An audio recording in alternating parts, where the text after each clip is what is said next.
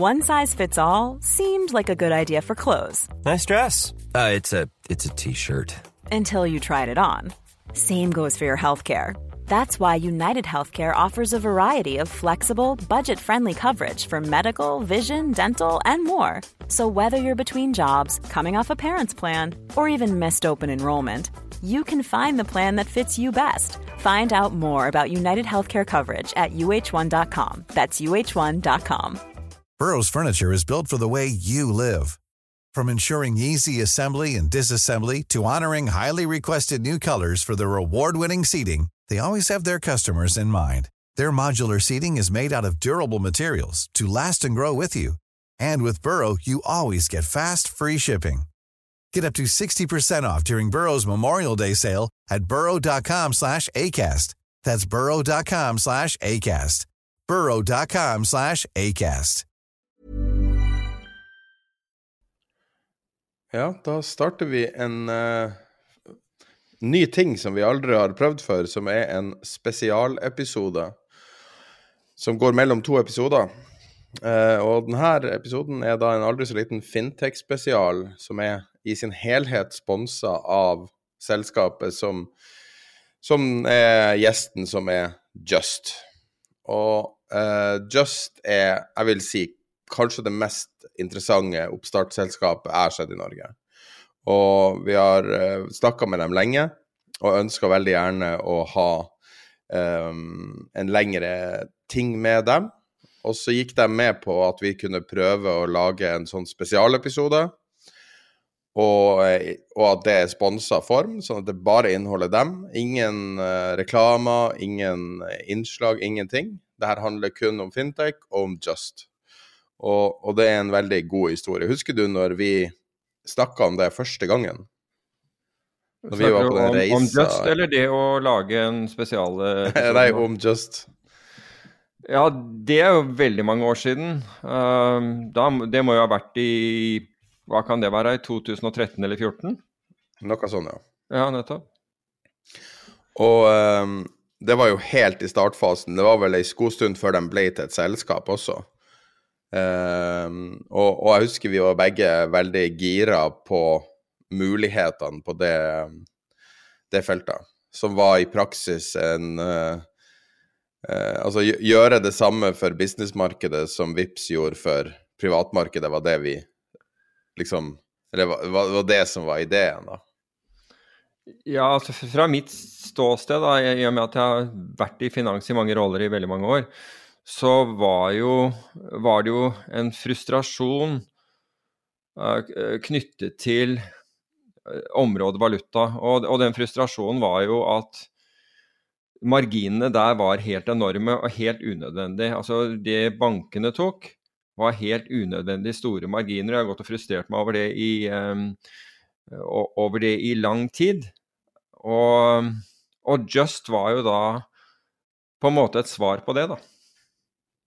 Ja, og, og en veldig sånn Det som er så interessant med sånne business cases, noe som jeg har merka meg har dukka opp i flere andre oppstartsfirmaer i Norge, der man virker å være sånn grunnleggende, sånn grunnleggende positiv, hvis man ser fra, fra samfunnets side. Grunnleggende positiv forretningside. At det er veldig vanskelig å argumentere mot det. Ja, jeg er enig i det. Altså, det, er, det er jo helt opplagt positivt sett fra samfunnet og altså samfunnet skråstrek forbrukerens uh, side. Uten tvil er det det. Og så har regulering gjort det mulig å få inn reell konkurranse. Um, men det har gått veldig tregt. Altså man har gjort alt man kunne, og spesielt her, land, her til lands, for å trenere um, de, disse endringene. Og det, til, selvfølgelig til stor frustrasjon men altså, de aller fleste som Altså, det er, ve det er veldig forskjellig hvor, hvor sofistikerte eller lite sofistikerte norske bedrifter er når det gjelder valuta. Men selv moderat store bedrifter altså de er ikke klar over øh, si, hvilke muligheter som finnes i valutamarkedet. De vet ikke engang hvor, hvor kursene ligger, altså hvor, hvor faktisk, eh, hvilke nivåer det faktisk eh, handles til. Og, og, og selv, selv, moderate, store bedrifter kan betale marginer som, som tilsvarer én eller to stillinger i året. Altså så, så, sto, så, store påslag har det vært. Og det mindre sofistikert, altså det mindre tilgang du har, og det mindre du, du, har forstått av valutamarkedet, desto mer har du betalt. Det er kanskje sånn i, alltid i, i samfunnet, men, men dette, er, dette, dreier seg om store beløp, altså. Og dette er jo rett på bunnlinjen til de, til de eh, fleste bedrifter, og en kostnad som de ikke har visst at har, har eksistert. Og, men det er veldig veldig forskjellig, det må jeg, må jeg, skynde meg å si. At det er veldig forskjellig mellom, mellom bankene.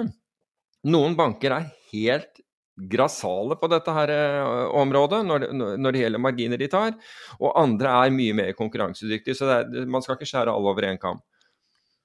Ja, og um, vi um før vi går i gang det, med å snakke med Anders Nikolai Bakke, som er grunnlegger og, og også en veldig viktig innovatør i Norge. Han sto jo bak selskapet Mcash, som gjorde VIPS lenge før VIPS, og virker å være virkelig forstå de dype strukturelle endringene som er i ferd med å skje i i samfunnet nå. Men før vi går i gang, eh, så må vi også disclose en ting eh, i forbindelse med deg og Just. Ja, altså jeg har jo vært investor i, i, Just, jeg vet faktisk ikke hvor mange år det er, men det er kanskje omtrent like mange år som, som det jeg snakket om i sted. Om det kan være fra 2013-2014, jeg husker ikke akkurat. Jeg er da og, og min, min uh, investering der ble, ble gjort uh, sammen med Eh, med noen, uh, noen, som jeg jobbet sammen med, så vi, vi, gikk sammen om det der. Så jeg har en sånn total return swap i forhold til, uh, i forhold til at vi har investert der og, og, og, et annet sted. Så det er mitt Men det er, det er, min disclosure, for å si det på den måten. Ja, det er viktig at vi er åpne om alt sånt. Ja, ja, absolutt. absolutt. Så selv om det er et sponsa innlegg og, og, eller sponsa intervju i, i, en hel episode, så det er veldig viktig at uh, vi er veldig klar på det. Uh, og det er jo sånn sett kanskje derfor uh, det er på radaren til tider penger. Ettersom at Just har fått, og kanskje det er fordi at de har søkt, lite oppmerksomhet. Og hvis du ser på, på liksom potensialet og, og, og, hva et sånt selskap kan gjøre på internasjonal skala, så er det dypt, dypt inspirerende. Mm. Ja, absolutt. Altså, jeg, jeg, har jo henvendt altså fordi Vi har jo fått spørsmål i forbindelse med at vi har omtalt valutamarkedet. Så har det jo hendt at vi har fått spørsmål fra, fra bedrifter um, om hvor man, kun, hvor man, kan faktisk finne informasjon. altså Hvor, hvor er det man ser de beste prisene altså i, i, markedet. Og jeg mener, og Just hadde det i hvert fall, nå har jeg ikke sett det i, i det siste, men Just hadde jo en, en slik tjeneste hvor, hvor, de kunne se hvor markedet lå til enhver tid. hvor beste kjøpere... Det er gratis tjeneste. De har den fortsatt. Så ja, alle bedrifter ja, har tilgang til det. Akkurat. Og, og gjennom det så, så, så, vet jeg også at Just fikk, um, fikk eh, kunder. Gjennom, bare gjennom Altså, de hadde, de hadde snakket med oss. Vi, vi, bare henviste til hvor de kunne få informasjonen. Og da var det så så nytt for dem, og så uh, matnyttig, at, at, uh, de, at, Just fikk kunder av det. Og, så that's the proof. Um, the proof of the pudding is in the eating. Og, og, og that, was, that, was, the eating, for å si det på den måten. Ja. Nei, men da eh, kan vi kanskje gå i gang med det intervjuet som jeg nettopp er ferdig å, å ta opp med Anders Bakke. Og eh, kan jo også innlede at eh, før vi trykte på rekordknappen, så det vi har snakka om et, et for, jeg, jeg, var satt på et sånt panel på um, Var med å arrangere en sånn konferanse som vi kalte Bubble Bar. Og det første gangen vi arrangerte det, så var det akkurat som man fanga hele oppstartsmarkedet i et sånn magisk øyeblikk. Det var så mange ting som skjedde akkurat samtidig. Og veldig mange av de tingene skjedde i den salen rett før, på scenen, og, og all den koblinga. Så vi går rett inn for å snakke om, uh, om, på en måte den, um, den oppstarten som var via Bubble Bar. Nå er det jo så lenge siden, vi har ikke helt alle datoene sitter ikke helt, så all kronologien du, du snakker om dato altså Vi har prøvd å finne fram, finne tilbake til alltid når alt skjedde, men, men, det skjedde jo på en måte så tett oppå hverandre. Så eh, Anders Bakke hadde jo nettopp eh, var jo da fortsatt i hans foregående selskap Mcash, Og det var vel noen år etterpå at Just ble til, tror jeg. Men uansett, her er hele historien om, om eh, norsk fintech sett gjennom øynene til en som har kanskje forandra sektoren mer enn noen andre. Jeg, altså, for det første så tror jeg liksom Altså, Norge har jo alltid vært Nå var jo, så vidt jeg husker i hvert fall, så var det Bubblebar-eventet var, var, veldig fokusert på liksom fintech, da. Og helt sikkert, uh, hvis jeg husker riktig, veldig sånn consumerorientert. Uh, så tror jeg dette var Det var nok rett etter vi hadde lansert Mcash første gang Eller liksom den første ordentlige utrullingen av Mcash i det norske markedet. Eh, så var det kult fordi vi var der med Klarna. Så Klarna var jo allerede da veldig store, men, men allikevel ikke store nok til at de på en måte ikke ga å møte opp på et sånn lite lokalt event på Mesh, fordi de var fremdeles veldig interessert i å vinne business i Norge. Da. Så jeg er enig, det var nok, et, det var nok litt sånn ordentlig støpeskjeen for i hvert fall fintech i Norge. Fintech som begrep hadde jo eksistert eh, i hvert fall noen år tidligere. Det ble jo liksom coinet rett etter den forrige liksom, ordentlig store finanskrisen i forbindelse med liksom, altså når, når, du hadde liksom en milliard med bankers som forlot liksom bankene for å se på alternative måter å utfordre industrien på. Da. Så som jeg er enig i, det, det, selve det eventet der var liksom det var, det var, starten på noe ganske heftig. Jeg tror det var starten av 2015. Jeg prøver å finne datoen tilbake her. 22.2.2015. Ja. og, og det var en sånn optimisme i i folket i verden. Det var liksom omtrent når Apple-klokka ble lansert. Det var liksom Det var bare sånn mulighet på mulighet. Det var før alle hata Facebook. Det var, det var eh, mange år før Vips, f.eks. Uh, og um, i det hele tatt, det var liksom mye som skjedde da. Og så, og så dukka dere Men jeg, jeg, husker at du var ganske sagnomsust allerede da. Sånn at, at jeg var litt sånn bekymra. Altså, jeg, jeg, så ikke på deg, jeg visste ikke helt hvordan jeg skulle forholde meg til deg, for at du framsto som å være ett hakk over alle andre. altså Jeg mener det i positiv forstand, da. At dere hadde fått til så mye allerede. Ja, altså, det er veldig, veldig hyggelig at du sier. Men, og, og jeg, tror, jeg, tror, liksom For på en måte drive med litt, litt, sånn selvskryt altså Når man tenker tilbake igjen på hele den Mcash-reisen, og på en måte Jeg skal absolutt ikke ha all kreden for hele det på en måte reisen her, for det altså, det var min medgründer Daniel som på en måte var visjonæren bak det. Jeg var mer sånn altså operatoren som fikk ting til å skje. Uh, så var vi jo Vi var jo langt, langt, langt foran egentlig altså det som var tilgjengelig innenfor betalingstjenester, i hvert fall tilbake i liksom 2013, 2014, 2015. Mange av de tingene og konseptene som vi på en måte piloterte tilbake da, er jo Det er jo på en måte ting som DNB, eller ikke DNB lenger nå, da, men, men, som VIPS på en måte markedsfører som innovasjoner i dag. ikke sant? Sånn som Se på sånn type QR-initiert betaling fra Altså hvor du ikke trenger å være i nærheten av en betalingsterminal, f.eks. Det piloterte vi på Lekteren sant, i 20, 2014. Så folk, I 2014 satt folk og bestilte pils liksom, på mobiltelefonen sin og fikk det levert til bordet. Og, og vi fikk jo masse vi fikk jo masse diss fordi vi, vi hadde valgt QR-koder som kaller form å initiere betalingen på. På det tidspunktet så var det allerede kommet langt i Kina og en del andre asiatiske land. Men her i Norge så var det litt sånn QR er en broken teknologi, og det er bare NFC og initiering i terminalen og sånn som gjelder. Så vi konkurrerte jo lenge med dette sånn, joint-prosjektet fra Telenor og DNB som het Value, som jeg tror det endte med at de liksom måtte skrive av 700-800 millioner kroner liksom, på å prøve å få liksom, betalingene inn i, som en fysisk greie inn, inn i kortterminalen.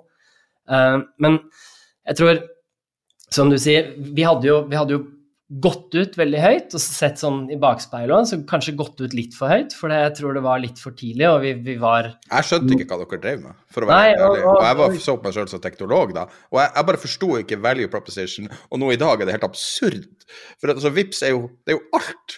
Og det er jo, ja. det er jo, dere var jo VIPS årevis før VIPS, ikke sant. Og, Og, og jeg bare forsto det ikke. Jeg forsto ikke vennebetaling, det var det jeg husker det ble fortalt som. Mm. Men hvordan starta hele greia? Var det, en, var det en, en, ting som skjedde som gjorde at dere ser her, her er det en verdi, her er det en løsning? Altså, det var jo på en måte selve liksom, eh, inkuberingen av det var det Daniel, min medgründer, som på en måte eh, tok seg av. Og, og, på en måte måten han, han kom inn på, på en måte kalle det ideen på. Altså, han hadde jo holdt på med på en måte et, bygge telekom selv, eller små liksom, verdiøkende Eller selskaper som driver med verdiøkende ting rundt liksom, telekomindustrien lenge. Alt fra liksom sånn online eller mobilbaserte spill og ringetoner og ditt og datt. Og så, dette var mens Nokia-telefonen fremdeles på en måte var, hadde, hadde, mest penetrasjon i markedet. Og så, og så begynte han på en måte å studere litt hvordan man kunne bruke Kall det liksom de gamle protokollene på å utveksle penger. Og så fort på en måte eh, den første iPhone kom, så, så, begynte man å, så begynte han å, mens han gjorde andre ting, å liksom studere hvordan egentlig betalingsinfrastrukturen virket med alle kortskimene osv. Og, og, og betalinger er en, en, ganske kompleks bransje hvor det er masse liksom, nasjonale særegenheter, i tillegg til at liksom, det fins mange ulike modeller å betale på, veldig mange interessenter, og det er mange liksom, kall det tollstasjoner, da, så det er mange du må please. Men, men eh, jeg kom jo fra consulting. hvor Jeg hadde, liksom, jeg hadde holdt på i consulting lenge og vært liksom på, spesielt opp mot capital markets. Og så alltid liksom vært keen på liksom entreprenørskap. Og så var jeg på et event, og dette var jo Da hadde Daniel stiftet selskapet, men det var liksom ikke noe mer enn bare han og, han og en powerpoint-dekk, egentlig. Um, så pitchet han det for det var sånn, du vet, Back in the day så var det sånne liksom, investor Norwegian Investment Forum eller noe sånt greier. Så var jeg der, og så gikk jeg opp til han etterpå og så sa jeg liksom dette er, dette er fremtiden, og liksom jeg vil være med. Um, og så ble jeg med, og så bygget vi det. Vi bygget det sammen. Så liksom Daniel var fokuserte liksom på det, kall det liksom, veldig mye teknologi-roadmap og liksom kall det liksom det lange roadmapet. Og, og, og, der er Daniel virkelig vært visjonær, eh, i sånn global skala også. Og så var min jobb å på en måte bygge strukturen rundt. Da. Så alt liksom opp mot Altså vi var jo det første selskapet i, um, i Europa, tror jeg, som var, altså, var lisensiert i, i, henhold til PST1, som var det første liksom, betalingsdirektivet. Og vi hadde en lang, lang lang prosess med Finanstilsynet om å få lov å kjøre liksom, finansielle tjenester i skyen, for, fordi vi var det første fintech-selskapet i verden som kjørte på Google Cloud, f.eks. Um, Bare sky var jo helt nytt, da.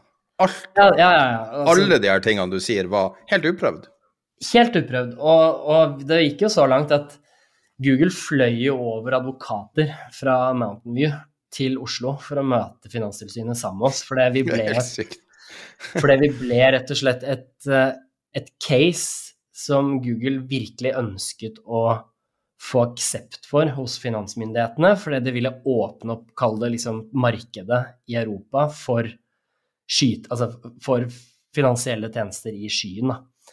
Um, så, så, jeg jobbet mye med den prosessen der. Jeg har jobbet mye med liksom, rekruttering, jobbet med finansiering, og vi, liksom, vi hentet jo penger fra store internasjonale fond. Og så var vi ute og skrek veldig høyt i media veldig lenge, for det, det, tror, det var liksom vår tanke at liksom, det må vi gjøre for å liksom, endre vanene. Så sett på den altså Hvis du skal syntetisere liksom Mcash ned til noe veldig konkret, så var det vi gjorde, var egentlig å bygge et moderne nett i mye mindre skala. Eh, veldig kompleks business, for vi måtte både på en måte serve banker som sant, satt altså, og koble til banker der, der, pengene til folk var, og så måtte vi få en eller annen form for liksom, akseptanse blant brukersteder. Og hvordan skal du nå brukerstedene? Jo, da må du integrere med de eksisterende løsningene de har. Så da måtte vi integrere i kassesystemene og kortterminalen og softwaren for nettbutikker osv. I tillegg så Hvor mange folk liksom, var dere da? Jeg tror på det meste så var vi vel Vi var vel nesten Ja, vi var vel noe 40-45 ish. Ja. ja. for det er en stor oppgave. Altså, jeg, jeg får helt sånn hjerteklapp av å høre på det. Ekstremt det er så ekstremt mye du må gjøre. Ja, det er så vanskelig. Ekstremt stor oppgave, ikke sant. Og, og, og vi ble jo jævlig gode. Uh, og så siste delen, ikke sant? Som, som er sant? som om ikke de to første delene høres komplekst ut, er jo det at du, du, du må drive med liksom, sluttbrukermarkedsføring i tillegg. Og med tanke på at vi da innførte produkter der du skulle endre betalingsvaner, så, så er det klart at sant, det er en veldig, veldig krevende øvelse i seg selv. Så, så, så det var liksom de tre tingene. Servet banker, servet brukerstedet, servet um, slutt, slutt, sluttbrukere. Men vi var, jo, vi var, jo, først til å lansere liksom, eh, mobile betalinger i Norge, nesten først i Norden. Vi var det første som gjorde det 100 skybasert. Vi var de første som gjorde vennebetalinger, første som gjorde liksom nett, nett, altså nett, nettbetalinger. Og, og, og deri lå kanskje litt av feilen vår også, hvis du ser i bakspeilet. For det, vi, vi ønsket å gjøre for mye på en gang. Så dersom vi hadde rendyrket sant, eh, det vi definerte som vennebetaling tilbake da, så kan det hende at vi hadde klart å på en måte få så rask vekst at vi hadde klart å bygge en vollgrav som hadde gjort det mye vanskeligere for DNB å lansere VIPS. For det er det som skjedde da når vi ble spredt for tynt fordi vi forsøkte å få liksom, om bord brukersteder som Burger King og, og Starbucks og Bunnpris osv. Vi, vi hadde avtaler med alle, men det å rulle det ut var liksom tyngre enn det vi eh, så for oss. Når du skulle gjøre det og du skulle markedsføre en vennebetalingstjeneste samtidig, så ble det veldig mye for en liten virksomhet. Og når du da møter en mastodont med liksom par millioner sluttbrukerkunder, liksom, og eh, en aktør som da var villig å bruke liksom, et eller annet sted mellom 700 millioner og en milliard liksom, på markedsføring over liksom, Seriøst, er det det tallet han har brukt? Ja, ja, over en tre-fire-femårsperiode. Wow. Så, så, er det klart at da ble kostnaden for, altså, Vår customer acquisition-kost gikk jo gjennom taket, ikke sant? når du møter en aktør som er villig til å bruke så mye på marketing. Hvordan føltes det? Og dere må jo jobbe årevis da. Altså, du sier feil. Én ting er jo veldig sunt å tanke på hva man har gjort feil for å ikke gjøre samme feil igjen. Nå er jo du i en bransje, i, i samme bransje igjen, på en måte.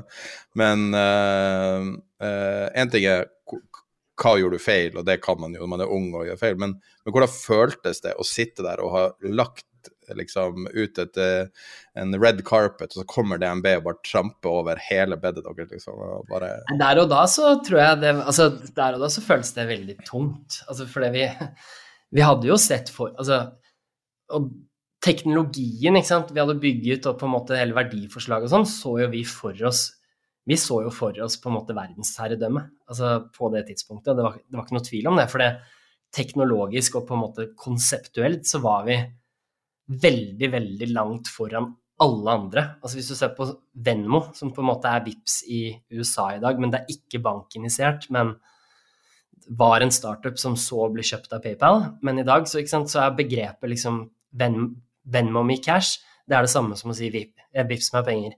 Vi var langt foran Venmo, vi var langt foran alle andre type etablerte schemes når du tenker på modeller og, og sånn. Så, så, når den dagen på en måte vi hørte at DNB skulle lansere Vips om noen måneder, så er det klart, da var det litt sånn luften gikk litt uh, ut på en måte. Og initielt så tenkte vi ok, vi skal liksom De slår oss aldri på produkt, så la oss liksom gønne på allikevel. Litt sånn kanskje naivt, men, men um, det som var litt sånn spesielt, var at ca. et år før så hadde vi jo vunnet DNBs innovasjonspris. Ikke sant? Fordi For DNB ja. hadde en sånn innovasjonspris, og da måtte du søke. Artig tilfeldighet, det der. Måtte skrive, skrive businessplanen din, ikke sant. Og, mm, og liksom så, og så det, Dette kom jo også i bakkant av at vi, vi, hadde jo, vi, hadde jo, hatt dialoger med DNB og veldig mange av de andre bankene om partnerskap i veldig lang tid. ikke sant. Så, men, men alt i alt, um, det, det, var tungt der og da, men, men, det fikk jo et ganske godt utfall allikevel. For vi fikk eh, Vi klarte på en måte på baksiden av det at DNB gikk ut først, da følte jo på en måte de andre bankene i Norge begynte jo å føle presset. For på det tidspunktet så var jo ikke VIPS et samarbeidsprosjekt, det var jo et proprietært scheme fra DNB sin side. Eh, og det er klart, de andre bankene i Norge begynte å føle presset, for det litt av tanken bak mobile betalinger sånn i en bankkontekst er jo at man kan bruke det som et eh, rekrutteringsverktøy for, no, for nye kunder. For det, som alle vet, så er jo på en måte selve betalingen er jo alltid inngangen for i, nytt, i en ny kunderelasjon. Så du vil jo før du forsøker å selge noen et lån, så vil du gjerne på en måte ha de som en betalingskunde først, fordi du lærer deg å på en måte kjenne litt om, altså, om va, va, vanene osv. osv. Så, så, da, da, fikk vi i stand et kjempegodt partnerskap med Sparebank1, som eh, kjøpte norske kundeporteføljen og eh, rettigheter til eh, teknologien i det norske markedet. Ehm, for en god summe penger, så aksjonærene ble happy og, og eh, var en stor del av teamet som på en måte ble med inn videre. Og nå i etterkant så har jo Sparebank1 eh, fusjonert på en måte, kall det de rettighetene som de kjøpte der, inn i, inn i VIPS da. Når, når VIPS endte opp med å bli et samarbeidsprosjekt mellom alle bankene. Ja. Det er utrolig interessant å høre, for det er jo noe jeg har sett bare bruddstykker fra utsida, og nesten ikke fått noe informasjon. Det høres ut som en smertefull opplevelse, og jeg ser nesten på deg at det, at det fortsatt gjør litt vondt. men, uh, men, uh, men at summen av det er at du, du kom ut ganske helskinna. Summen av det var at alle kom veldig helskinnet ut av det. Så, han, så Daniel, som på en måte var hovedpersonen bak Mcash, han, han holder jo på ennå. Og Mcash har jo I dag så heter de Settle, og har jo lykkes veldig godt, for man beholdt jo, man beholdt jo all IP-en. Så, så, konseptet der i dag er jo å hjelpe banker internasjonalt med å på en måte realisere en Vipps-reise på 1, 2, 3. Nice. Fordi man har på en måte Veldig smart, forresten. så man har jo en plug and play mobilbetalingsteknologi. ikke sant? Så, så, er du en bank i et eller annet marked og du har lyst til å på en måte gå fra null til én veldig fort, så kan du på en måte ta i bruk den settle-infrastrukturen, uh, white label. Da. Så gikk det uh, Hvis du ser liksom i, i, i, i lys av den uh, der, der, vi første gang møttes, som var på, um, på scenen på Bubble Bar. Og så går det noen år fra det, og så hører jeg ikke så mye om det, eh, som, sånn som det er. Og så var jeg på ei reise med Peter, han skulle få en, en, premie. Og så var jeg med for å bare, ja, bare dokumentere det, eller noe sånt. Og så husker jeg på, på flybussen tilbake, skulle han fortelle meg om han hadde kommet over et så vanvittig interessant selskap. Og han sa at det var noe sånn som VIPS for bedrifter. Og så var det veldig uklart for meg hva det betydde, men hans engasjement smitta veldig mye over på meg.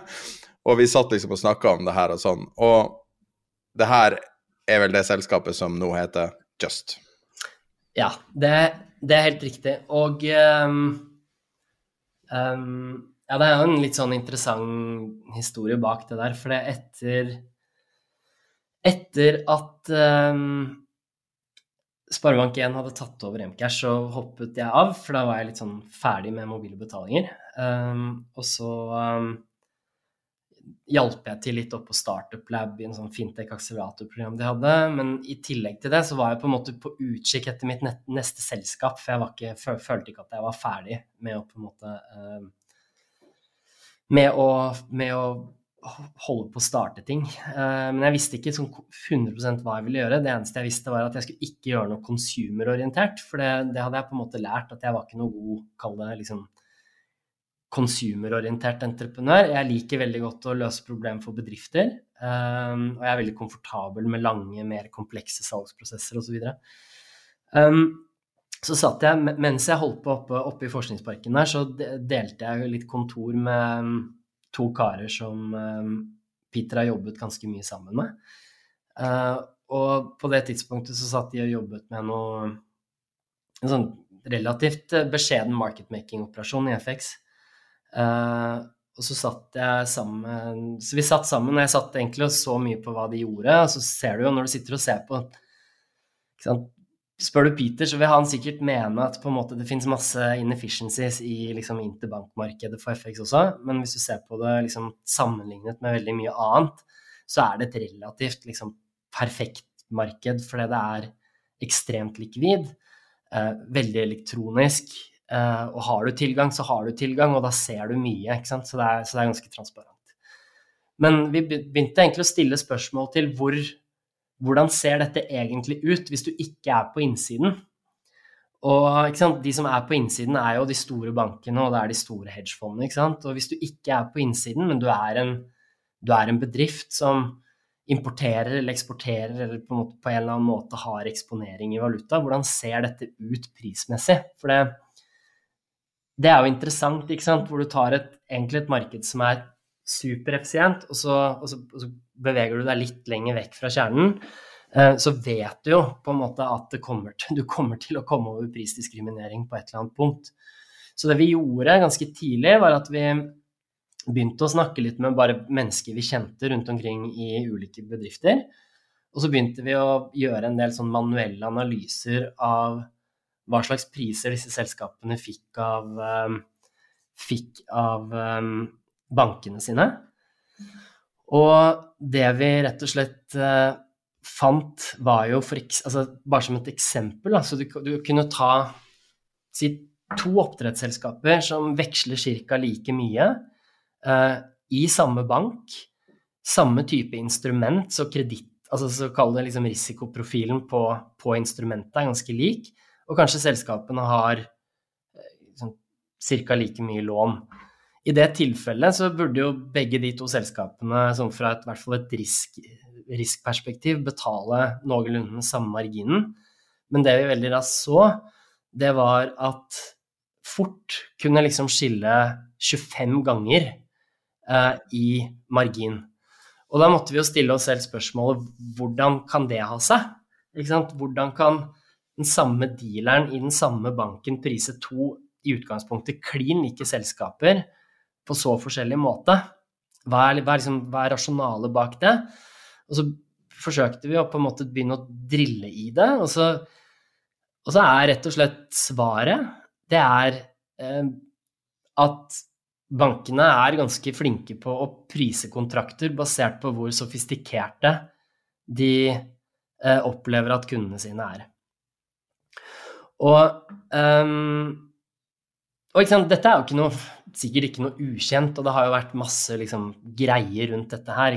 Tidligere så var det på, på aksjer, og det har vært egentlig på alle typer instrumenter, men etter hvert som, etter hvert som ting blir mer og mer transparent, enten på grunn av endret regulering, endret på en måte forventning fra markedet, eller rett og slett altså, ulikt press fra ulike vinkler, så, så, har jo på en måte bankene vært nødt til å åpne opp, med et naturlig konsekvens at inntjeningen har kanskje gått noe ned på enkelte instrumenter. Og hva er konsekvensen av det? Jo, da må de ta det igjen andre steder. Så det er jo ikke sant, det de på en måte har tapt på på en måte at aksjer ble mer transparent og de ikke kunne ta samme kurtasje, det har de forsøkt å hente igjen på produkter som valuta f.eks., som er, fremdeles er prisa veldig black box. Så det, har faktisk blitt verre? Altså det er ja, ikke bare kan, vært ille, men det har blitt verre? Ja, enkelte tilfeller så har det det. Uh, rett og slett fordi margin Altså det er jo margin compression all over. Uh, og det er klart, bankene må jo på en måte De har jo press på seg til, til å tjene penger, de også. Så, så og da er det veldig enkelt Altså, det å tjene penger på FX er veldig enkelt, for det av egentlig én årsak, og det er at eh, valuta er jo over the counter. Så det er jo prinsipal til prinsipal, ikke sant? og det er veldig vanskelig. La oss si at du sitter med på en måte økonomi eller finans i?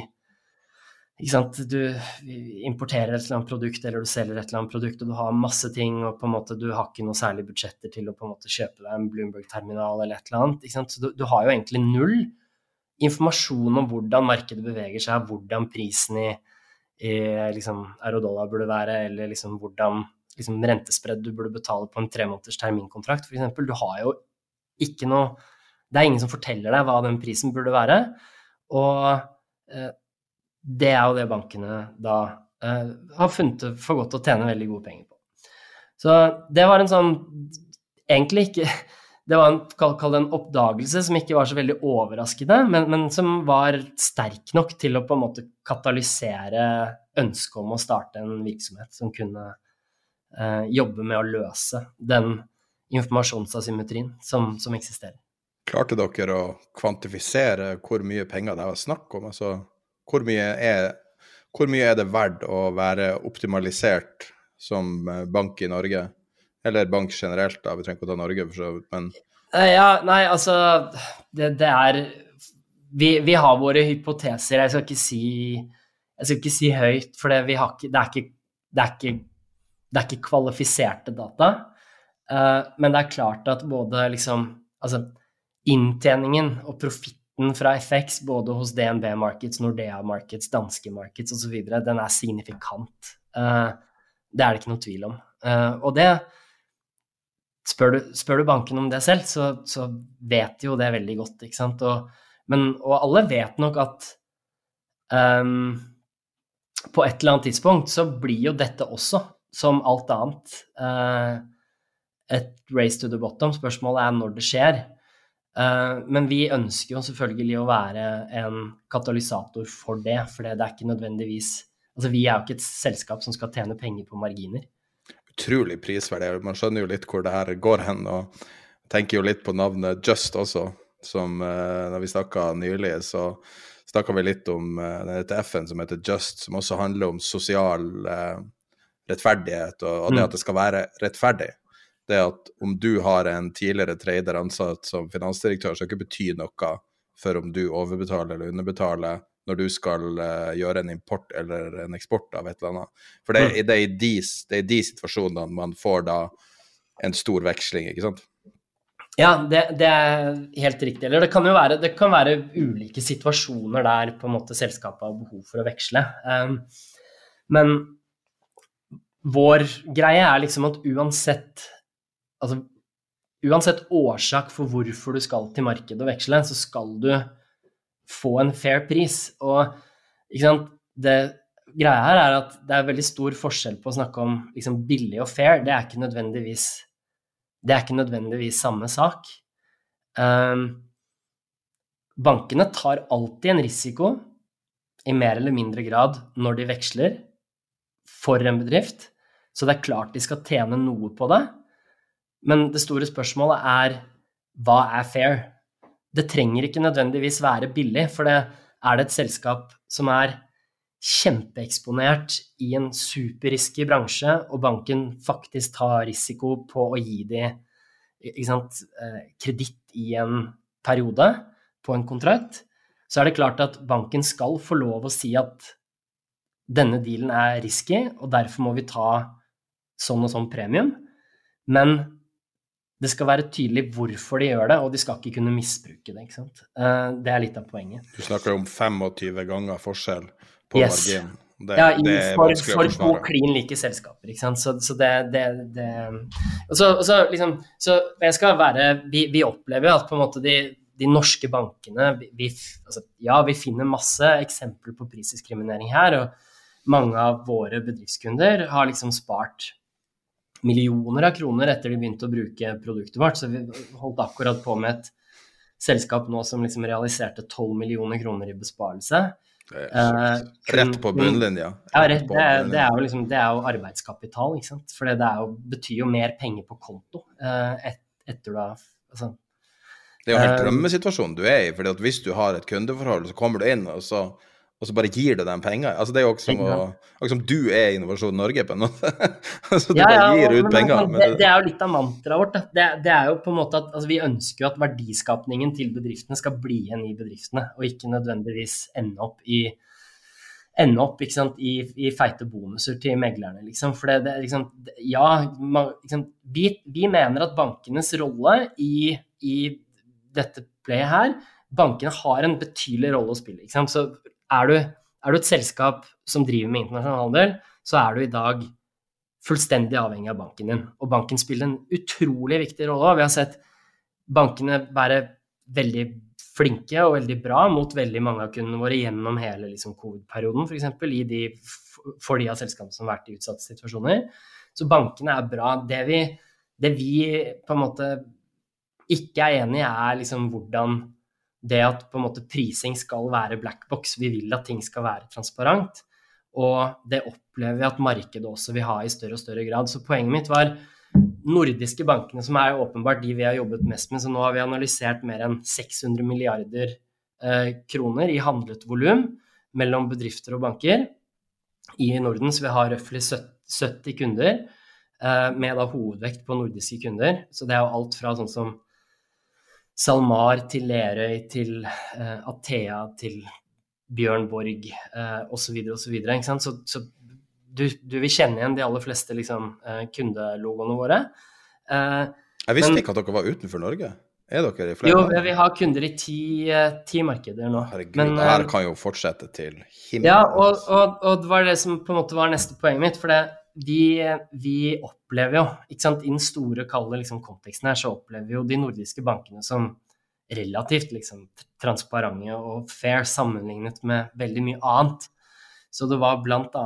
En, en stor sak i USA nå hvor altså Wells Fargo er jo en bank som sannsynligvis fortjent får jævlig mye pepper. Uh, for jeg tror, tror, det har pågått mye, mye, dritt der i mange år. Men de ble nylig dømt uh, nå i en sak der de måtte betale masse erstatning til jeg tror nesten 10 000 bedriftskunder for liksom å ha systematisk utnyttet de på um, prisfiksing over de siste ti årene.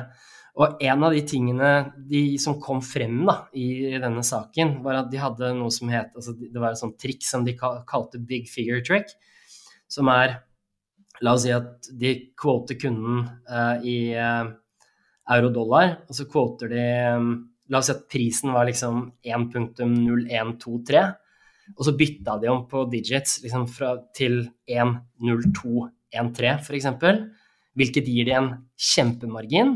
Og samtidig så er det et sånt triks der de kan, dersom de blir tatt av kunden, og kunden konfronterer dem, så kan de bare si at det var en typo. Sånn? Og det her, det, det, det liksom, dette her var, og det var en grundig gjennomgang, og liksom det kom fram masse annen type praksis, ikke sant, med dealere som spekulerte på når kundene sine satt i bilen på vei hjem, Eh, for da visste de at de ikke ville ha, de ikke ville ha markedsinformasjon tilgjengelig osv. Så, så, så, så det er, liksom, altså, det er en etablert praksis at prisdiskriminering i valutamarkedet det, det, pågår i stor skala, og vårt mission er eh, sånn i første omgang å få slutt på det.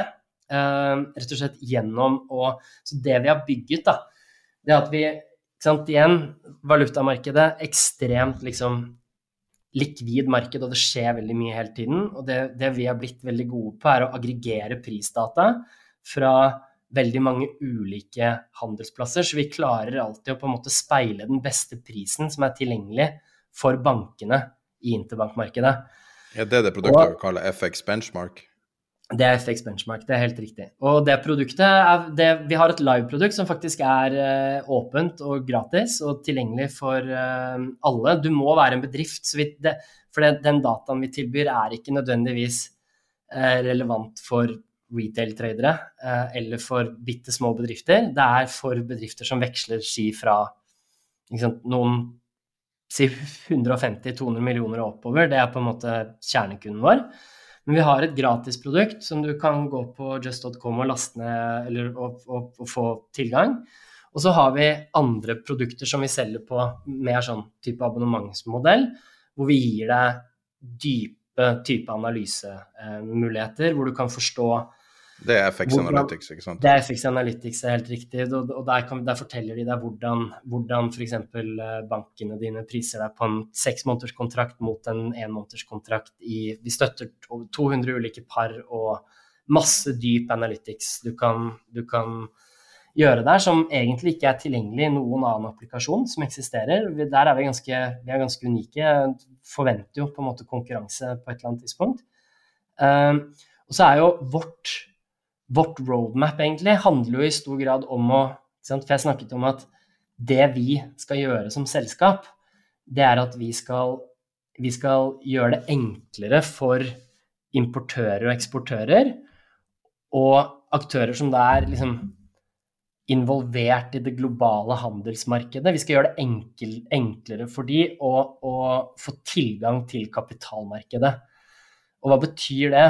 Det betyr at vi skal gi de produkter og brukeropplevelser som hjelper dem med å få ta bedre beslutninger eh, gjennom en dypere forståelse av på en måte risiko de er eksponert for. Og så eh, handler det i veldig stor grad framover å på en måte etablere en form for markedsplass der ikke Just er motparten, fordi vi ønsker ikke å være en bank eller en, eller en broker, men vi ønsker å være en fasilitator for ren likviditet, altså ren, transparent likviditet, enten det måtte være liksom i valuta, eh, en eller annen form for commodities, kreditt osv., men der vi egentlig skal sitte mellom våre importører og eksportører og være, være egentlig risk management-systemet deres.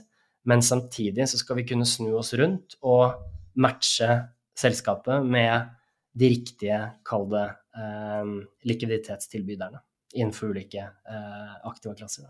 Det her er så imponerende. For det at i et sånn her type samtale så har jo jeg kjent selskapet i lang tid på et overfladisk nivå. Og helt bevisst vil jeg ikke lære meg alt, for jeg vil høre det fra deg direkte. Men det er så imponerende at det her kommer fra Norge. Fordi at det her oser internasjonalt. Det her oser megaskala. Og det, her, det er sånn man forventer å se Becka, Vendrisen Horowitz eller noe sånt i Silicon Valley osv. Så, så, videre. så det er utrolig kult å se. Også det at visjonen er så positivt ladd, da. Det at du prøver å støtte verdiskapning. Så det står det virkelig respekt av. Og det er det som er så Jeg tenker, på, Tenk tilbake på alle de bullshit-tingene som kaller seg fintech. Og det her er jo det som hele ordet er oppfunnet for å beskrive. ikke sant? effektivisere noe som har noe med verdiskapning å gjøre, det er virkelig inspirerende. Noe helt glemt. Valuta, hvem tenker på det? Ingen tenker på det. Nei, altså det har jo vært, har jo vært masse, kall det liksom Det har vært masse, og mer eller mindre vellykkede forsøk med, på liksom, kall det disrupte FX-markedet. Og jeg tror, hvis du på, hvis du deler inn på en måte FX-markedet i si tre lag, da. Hvis du har, du har consumer, altså type sluttkunden som gjør internasjonale betalinger eller tar ut fremmed valuta i en minibank. Der har du jo på en måte aktører som alt fra Revolut sant, til, til, Wise, tidligere TransWise osv., som liksom har fått tilført milliarder av dollar i venturekapital, og, og liksom gjort en solid impact og en solid innhugg i liksom bankenes fortjeneste på å kalle det international, uh, international remittance. da type frakte liksom, altså privatperson overfører penger til, til, til, et annet land. ikke sant? Det spacet der føler jeg at liksom, der, der er det ganske crowded, og, og der, der, har det skjedd liksom store ting, for det var jo liksom, det var jo cash-kuen til bankene i veldig mange år. Og så har du jeg bare ser på spreaden på Gardermoen, så ser du ja, den spreaden er, det er regelmessig. Når folk fortsatt reiste på ferie, så var det på Facebook-gruppa til, til podkasten, så var det alltid noen som la ut bilder på valutaen, og bare Jesus, den spreaden! ikke sant. Ja, det er helt sjukt. Liksom, Revolut er ødelagt for dem. Ja, ja, ikke sant. Revolut og Wise og de er, har vært liksom fantastiske tilskudd. ikke sant. Uh, og så har du på en måte alle de aktørene som forsøker å på en måte innovere for bedrifter. Da, og der er det liksom, Du har de som gjør det for SMB-er og de aller minste. Og der tror jeg over tid at du vil se en del interessante initiativer liksom, knyttet til litt sånn ulike eh, blokkjede osv. Jeg tror på en måte du, det er der du vil få eh, adopsjonen først. Eh, for det, i segmentet der vi er, type mellomstore og store bedrifter altså Vi server jo selskaper fra alt fra liksom de som handler et par hundre millioner, til milliarder av dollar eh, i året. Eh, der har det vært veldig, veldig lite innovasjon, og det er jo nettopp fordi alle de er jo så låst til bankene sine. og Jeg tror det er få entreprenører, og det har vært lite risikovillig kapital til å backe liksom, startups som skal inn der. Rett og slett fordi barrieren har vært veldig liksom, Den har vært ekstremt høy i forhold til å komme inn. Men det ser vi jo nå, at Plutselig så har du på en måte en finansfunksjon som er ok med å kjøpe SAS. De er ok med å handle produkter som på en måte ikke, det ikke står Oracle eller IBM på. Uh, de er ok med på en måte eh, andre modeller å konsumere software på. Og det tror jeg har vært litt av på en måte vår opportunity her. ikke sant? For vi ser jo det er mange ting som kommer sammen akkurat nå. Det er jo det er en ny generasjon med uh, brukere og beslutningstagere i, i bedriftene som forventer andre brukeropplevelser. Eh, det er et, sannsynligvis Jeg tror på en måte covid har hatt en god effekt for oss i så måte, for det, det et, har vært et betydelig kostnadsfokus i virksomhetene. Uh, og så er det jo selvfølgelig, vi er midt i denne liksom gedigne uh, digitaliseringsbølgen, uh, eller hypen, eller hva enn du kan velge å kalle det. Og, og, og, der har jo mange andre deler av disse virksomhetene har jo gjerne, ligger jo gjerne litt foran da, finansfunksjonen som fremdeles liksom sitter i gamle liksom hacka modeller i Excel ikke sant? Uh, og sliter litt. Og det, og det, har vært, det, har ikke vært, så mange som på en måte har vært, vært der for å, for å, innovere for dem. Så, så vi jeg ser jo også på kundelista di er jo utrolig imponerende. Jeg sitter bare og ser denne scrollen nederst på sida over uh, selskaper som går over, og det her har jo allerede tydeligvis falt i smak hos en rekke store aktører. Jeg ser at Komplett står der, f.eks. Et selskap som lever i en verden med tighte marginer. Og hvis de kan skvise det ørlite grann i sin favør, mm. så kan jo det bety forskjellen mellom å tape penger og tjene penger. Ja, og liksom, det har jo direkte impact på aksjekursen òg, ikke sant. Så, så det er klart, det har, det har en kjempe, kjempeeffekt. Og så er det liksom så, så, det du får med Just, er jo både den besparelseskomponenten, men så, så, får du, jeg tror en av de tingene du ikke må glemme, og som du ikke må undervurdere, er rett og slett bare den tilfredsheten du får ved å ikke føle at du ble skrudd når du legger på telefonen eller avslutter handelen. Du vet og det å på en måte ha den oversikten og ha tilgang til data og på en måte mye mer sånn helhetlig forståelig av Altså uh, forståelse av hedging-policyen din og faktiske eksponeringen din osv. Vi ser jo at våre rapporter går jo helt opp i styrerommet, ikke sant. Og, og, og, og CFO-ene snakker jo om en gå inn i styret og rapportere med en mye høyere grad av konfidens nå enn hva de gjorde eh, tidligere. Rett og slett fordi vi belyser et område som var helt mørkt. Så dere eh, vokste dere opp, gikk gjennom så vidt jeg kan se, en tre-fire forskjellige distinkte faser som selskap. Mm. Bytta litt fokus og litt eh, eh, Altså, jeg vil ikke si profil, men litt sånn approach, kanskje, noen ganger. Og så føler dere virkelig nå har landa på noe som ordentlig fungerer. Og dere har fått inn en backer av så stor størrelse man kan ha i Norge. Kan vi snakke ja, om det, eller er ja, ja, ja. Så, selvfølgelig. Så, Hvordan havna Kjell Inge Røkke inn i det her? Nei, altså kort, uh, kort, litt sånn om reisen vår. For vi har jo vi har jo holdt på en stund nå. Altså, vi, vi, vi, stiftet jo selskapet i 2017. Uh, eh, og så lanserte vi på en måte ikke første produktet vårt før sent i 2019. Uh, eh, I utgangspunktet så er det litt sånn random at vi har havnet som et liksom SAS-selskap, produktselskap. For det, når vi, når vi stiftet altså Vi gjorde jo denne forundersøkelsen hvor vi fant ut at det var liksom for høye marginer osv. Så, så tenkte vi kanskje litt naivt, men det må man jo være hvis du skal være entreprenør. tenkte vi ok, la oss bygge en execution-plattform der vi kan konkurrere om på en måte flyten og volumet. Ja, rett og slett handle i markedet? Ja. Og så gjorde vi, gjorde vi, vi, vi, vi hentet faktisk liksom penger på det narrativet første gangen. Uh, og rigget selskapet rett og slett for å bygge en, bygge en type execution-modell. Og da, da, Det viste seg da etter liksom type tolv måneder inn, så viste det seg at uh, for det første, vi trenger ikke gjøre execution for å oppnå det vi ønsker. Og punkt to, etter vi på en måte hadde sondert terrenget for hva som på en måte krevdes av både liksom regulatoriske eh, lisenser osv. i forhold til å skalere forbi Norge. Vi visste liksom hva vi trengte for å launche i Norge, men forbi Norge så ble det litt for liksom udefinert. Og så, og så er det jo sånn at hvis du skal tilby FX til bedrifter, så må du jo også kunne eh, Du må tilby på en måte en bredere portefølje av instrumenter enn bare spot. Og da kommer du plutselig inn i en situasjon der du trenger å ta tilgang på, veldig, altså på, et veldig stort balance sheet. Og det var ikke en virksomhet vi ønsket å bygge. Så da gjorde vi en liksom, strategisk pivot, som man sier, eller kaller det i startup-verden. Og så tok vi alt vi hadde lært, og så pakketerte vi det i et nytt produkt. Og så liksom Så kjørte vi. Og liksom, så, så, vi har brukt liksom litt tid på å iterere fram og tilbake, og så har vi fått ordentlig vind i seilene nå, fordi vi har liksom nailet brukeropplevelsen og posisjoneringen. Og det var jo sånn i forhold til hvordan vi fikk inn Aker og Aker Capital. Vi, hadde jo, vi har jo hatt noen av Aker-selskapene som kunde ganske lenge, og påvirket uh, marginene i de selskapene i en positiv retning og oppnådd eh, besparelser. Og så har vi gjennom styret vårt og sånn, så har vi på en måte litt relasjoner inn til, eh, til Kjell Inge og, og teamet liksom som, som, bestemmer i Aker.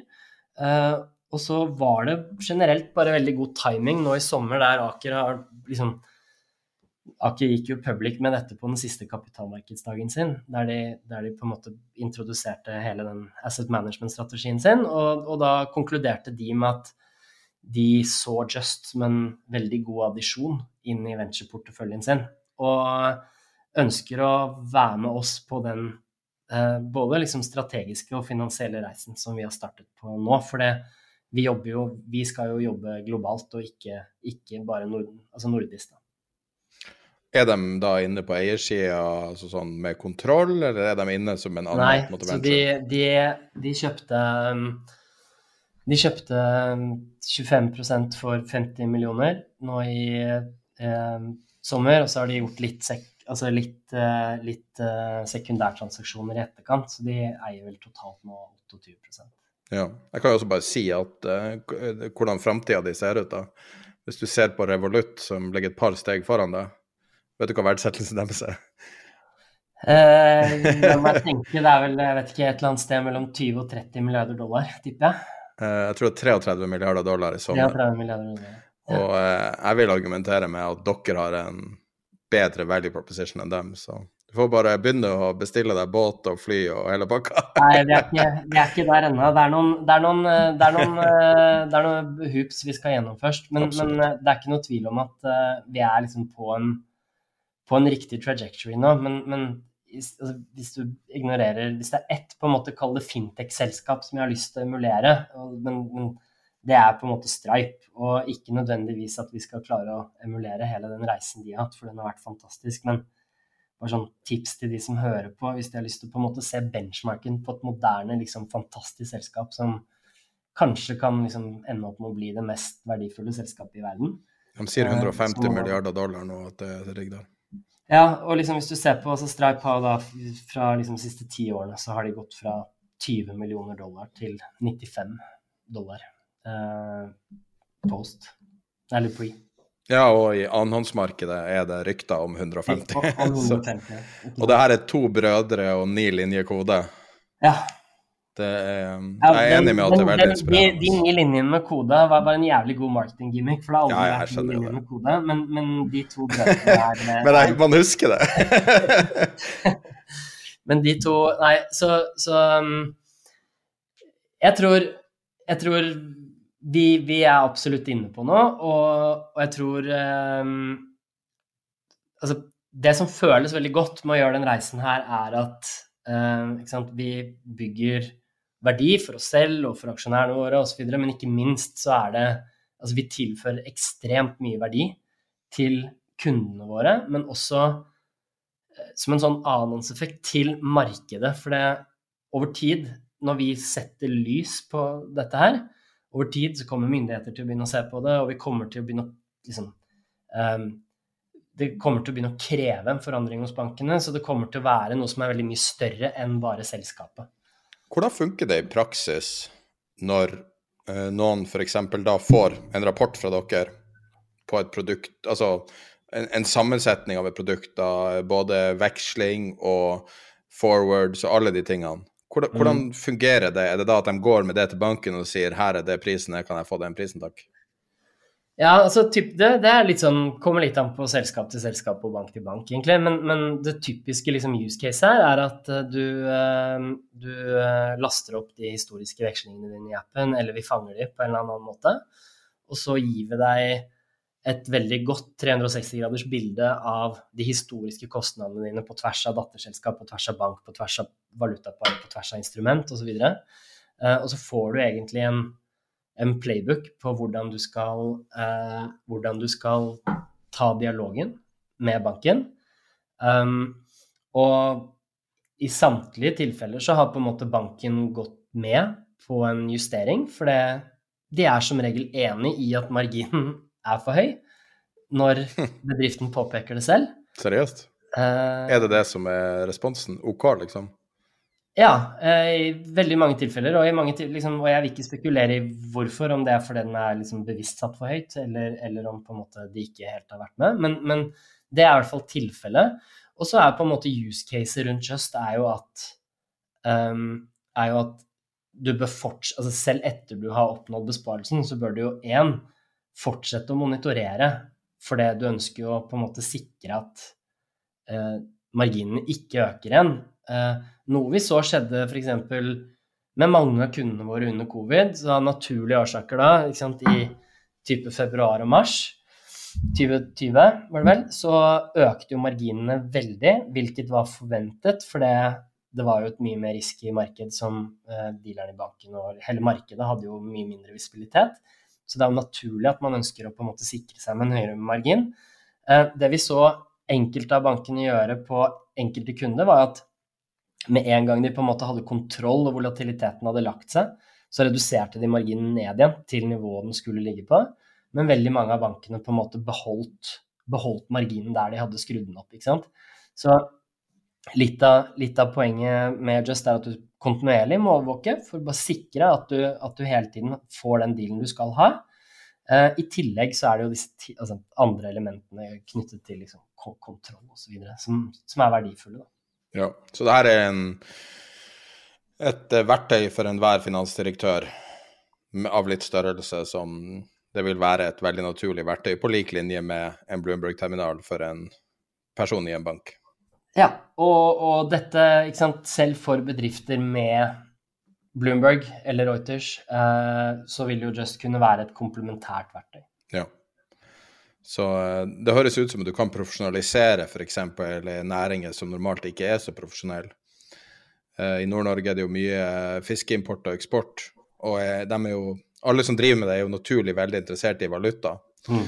Men det er jo ofte basert på egenlært erfaring. Jeg skulle tro at dette vil være en, et fantastisk uh, ekstra verktøy å ha. Og jeg ser jo du har jo SalMar bl.a. som kunde.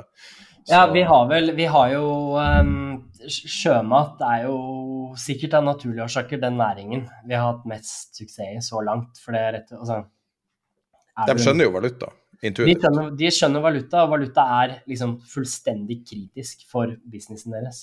Ja. Um, og så er det jo sånn at sant, de fleste eksportørene, eller oppdrettsselskapene f.eks. i Norge, driver jo med altså, Pluss 90% av salget er jo gjerne til utlandet. Så det er jo ve veldig mye Når det gjelder fintech som, uh, som tema, så var jo det som du sa tidligere, typisk sånn uh, business to consumer. Revolut og Vips eller Mcash for den saks skyld. Og, og, alle de her produktene i alle land har på en måte vært veldig sånn konsumerorientert. Mens nå, når jeg hører om ting, så er det Nå skal jeg ikke si at Monday f.eks. er et typisk fintech-selskap, men det er jo helt i, i grenseland. Uh, men det er mye sånn business, uh, business to business. Mm. Tror du vi kommer til å se en lignende utvikling for bedrifter som det har vært for forbrukere de siste fem, seks, syv årene? Ja, og, og det er interessant at du nevner Monday, liksom, som egentlig er hva er det, et prosjektstyringsverktøy, CRM-systemaktig. Men, men jeg, en av mine hypoteser er jo ethvert ethvert teknologiselskap på et eller annet tidspunkt kommer også til å være et fintech-selskap. Men de kommer ikke til å definere seg som fintech-selskaper, men, men de kommer til å ha på en måte muligheten til å tilby eh, tilgang til eh, et eller annet finansielt instrument. ikke sant? Så f.eks. hvis du ser på dette her med betaling, f.eks. Eh, de smarte betalingsselskapene nå, de, det de er gode på, er å embedde seg selv i produktene til andre. Så ikke sant Du vet om Stripe fordi Stripe har fått så mye omtale i media, men du hadde jo aldri visst om Stripe hvis du ikke var utvikler nødvendigvis ikke sant, og brukte API-et deres hver eneste dag. Fordi du ser jo ikke Stripe når du betaler. Du ser det hvis så, du driver nettbutikk. ja, hvis du driver nettbutikk, så ser du det, ikke sant. Men jeg, men jeg tror vi er liksom på vi er på, på tredje iterasjon nå, på liksom det du kan tenke som liksom tradisjonell fintech. da. Så jeg tror første Kall det liksom første bølgen var eh, veldig sånn consumerorientert eh, innenfor, eh, innenfor eh, payments, hvor du hadde type PayPal og Zoom, XOM. Uh, eh, og, så, og, så, var det en del initiativer på midten av 2000-tallet innenfor core banking, men ikke som ble definert som, som, fintech. Men det var mange banker som begynte på en måte å oppgradere infrastrukturen sin. Og så, og så hadde du neste fasen som startet, kall det liksom etter, etter finans, altså forrige finanskrise, hvor du, hvor du var en ekstrem rask utvikling innenfor, liksom, innenfor betaling. Både liksom SMB-spacet med, med, Square og iSettle i Sverige, Klarna kom, ikke sant, og du hadde alle disse liksom mobile betalingstjenestene som begynte å launches osv. Men så var, det jo en kjemperevolusjon liksom, revolusjon knyttet til Og så kan man stille seg spørsmål i forhold til hvor mye market share de produktene faktisk har tatt, men i forhold til lending jeg vet ikke om du husker sånn som Lending Club og ja, ja. Eh, alle de selskapene der. Det kom fort opp og forsvant litt også. kom veldig fort opp, og så forsvant det. Noe som kanskje var naturlig, men altså, jeg tror f.eks. Altså, lending er jo et space der bankene kommer til å bli utfordret, uten tvil. Ja, det, det er tilbake igjen. Altså, folk, uh, seriøse firmaer nå finansierer seg jo i crowdfunding-spacet. Men det er litt nye aktører igjen. Så, ja, eh, i aller, i aller høyeste grad. Og, men hvis du ser på alt som er liksom altså, Det som har skjedd innenfor consumer fintech, primært Alle de driverne som på en måte har muliggjort den raske utviklingen du har, sett, du har sett innenfor consumer fintech, tror vi kommer til å smitte over til bedriftsmarkedet. Dog, bankene kommer til å fighte ekstremt mye hardere for å beholde posisjonen sin. Rett og slett fordi det er i dette markedet de tjener mest penger. Um, så, så men, men, det er jo liksom Det er jo ikke noe tvil om at endret liksom, regulering og en ny generasjon med brukere Uh, og altså, hva skal man si? Liksom, nye protokoller og nye måter å konsumere data på, liksom nye måter altså, altså, Det at vi går fra sentraliserte løsninger til mer desentraliserte løsninger osv. Alle de elementene der kommer jo til å smitte inn i tilbudet til bedrifter. Så det, det låste Altså den låste relasjonen, og kall det liksom den lock-in bankene hatt på bedriftskundene sine, den er jeg ganske sikker på at kommer til å bli eh, angrepet veldig, veldig snart. For det du må huske på, er liksom Er du, liksom, er du en bank, eller er du, et, er du en bedrift i dag av en sånn Si at du er i mellommarkedet. Du har én eller to banker, og de bankene har full kontroll på deg, liksom. Og det er veldig, veldig vanskelig å på en måte gjøre ting utenfor de to bankene fordi du er så avhengig.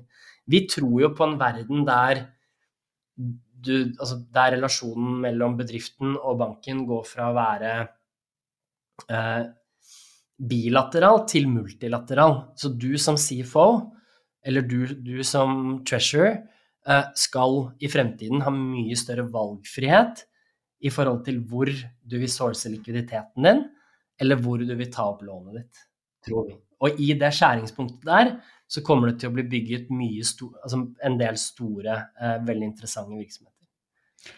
Jeg er helt enig med perspektivet ditt, og du ser jo det allerede, bare å se på hvem vi samarbeider med. Altså Oslo Børs har jo vært sted å børsnotere seg og selge aksjer i alle år. Plutselig kommer Dealflow ut av det blå og kan flytte seriøse summer penger. ikke sant? Jeg vedder på at du kunne gått på Dealflow og sikkert fått 50 millioner hvis du hadde, hvis du hadde ønska det. nå. Og, og, det er jo en helt ny verden, bare det. ikke sant? Og, og i din verden, der, der, du kjemper mot de mastodontene av bankene, og så plutselig funker det, og så glipper det, og så glipper det litt til, og så kommer reglene, og så kommer alt. Men som fra investorsida, grunnen til at jeg nevner Monday, er så typisk sånn venturekapital, uh, touchstone, som mange bruker. De er på jakt etter en Monday. Mm. Uh, og, og, det interessante er jo faktisk interessant, for det, uh, i Mcash så hadde vi et uh, fond som het Entree Capital, som investerte i oss. Og, og Entree skrev den første sjekken i monday.com. Ja, akkurat. Og de gjorde vel Jeg tror de gjorde liksom 10 000 ganger det, når, når de noterte seg. Eller noe. Ja. ja. Og Nei, det, jeg syns bare det er interessant, fordi at man kan se på sånn investeringsmessig altså Jeg tror veldig mange som hører på, tenker her vil jeg investere i. Nå er jo det sikkert ganske vanskelig, men uh, jeg vet ikke om det finnes et annenhåndsmarked av just-aksjer, men uh, jeg skulle tro at det ikke gjør det. Nei, i dag så finnes jo ikke det, men det er jo selvfølgelig noe vi altså, altså, Og jeg liker, jo, jeg liker, jo, på en måte tanken du introduserer her nå, for jeg har jo ansatte som, som, selvfølgelig på et eller annet tidspunkt skulle ønske likviditet, og det er jo tidlige, tidlige aksjonærer som kanskje ikke nødvendigvis ønsker å sitte hele veien til en exit, uh, eller liksom for forever, uh, som kanskje på et eller annet tidspunkt skulle ønske at de kunne selge. Uh, så den type plattformer der du kan på en måte etablere et effektivt Antons, Antons marked, kommer jo. Og på en måte snakk om på en måte altså financial inclusion, ikke sant?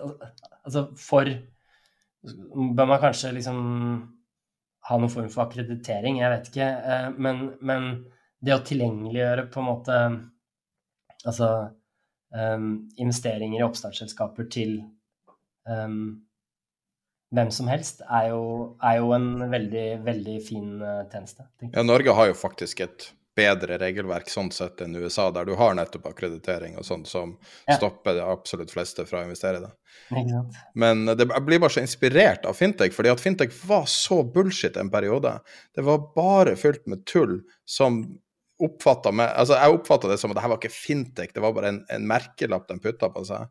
Og så når du tar liksom Docker, og du tar Stripe, og du tar Dealflow, og du tar de her liksom folk som er tidlig fase, mellomfase og, og sen fase, så er det, det er ting som gjør genuint verden bedre i form av at det er mer effektivt. Du tar bort på en måte de skattene i systemet. Mm. Og at det er sånn intuitivt positive forretningsmodeller.